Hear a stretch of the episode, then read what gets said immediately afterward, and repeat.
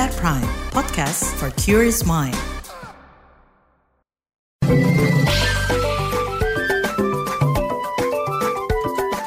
WhatsApp Indonesia. WhatsApp Indonesia kita mulai dari Jakarta. Sepanjang 2021 sampai 2022, DKI Jakarta disebut Kemenko Polhukam menjadi wilayah dengan konflik sosial terbanyak. Asisten Deputi Kamtipmas Kemenko Polhukam lakoni mencontohkan beberapa konflik sosial yang berpotensi terulang lantaran belum dituntaskan, yaitu perkelahian, pelecehan, perkelahian antar geng hingga geng motor.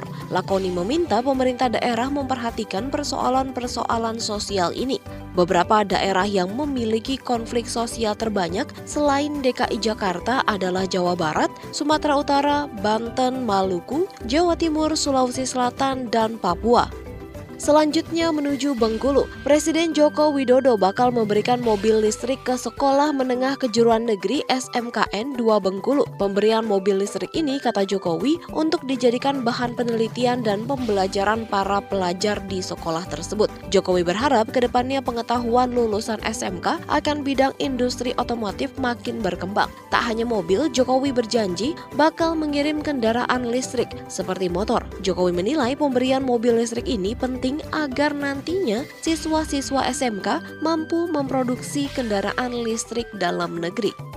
Terakhir kita ke Danau Toba. Menteri Pariwisata dan Ekonomi Kreatif Menparekraf Sandiaga Salahuddin Uno meresmikan pembangunan pusat kreasi destinasi pariwisata PKDP di Kabupaten Danau Toba, Sumatera Utara. Sandi menyebutkan pembangunan ini bertujuan untuk mengejar target terciptanya 4,4 juta lapangan kerja baru pada 2024. Sandi mengklaim kehadiran PKDP mampu menjawab permintaan masyarakat, khususnya para pelaku pelaku ekonomi kreatif di Kabupaten Toba. Pusat kreasi destinasi pariwisata akan jadi etalase produk-produk kreatif dari Danau Toba. Sandiaga Uno berharap ke depannya PKDP mampu menarik lebih minat dan perhatian masyarakat setempat dan turis. Demikian WhatsApp Indonesia hari ini.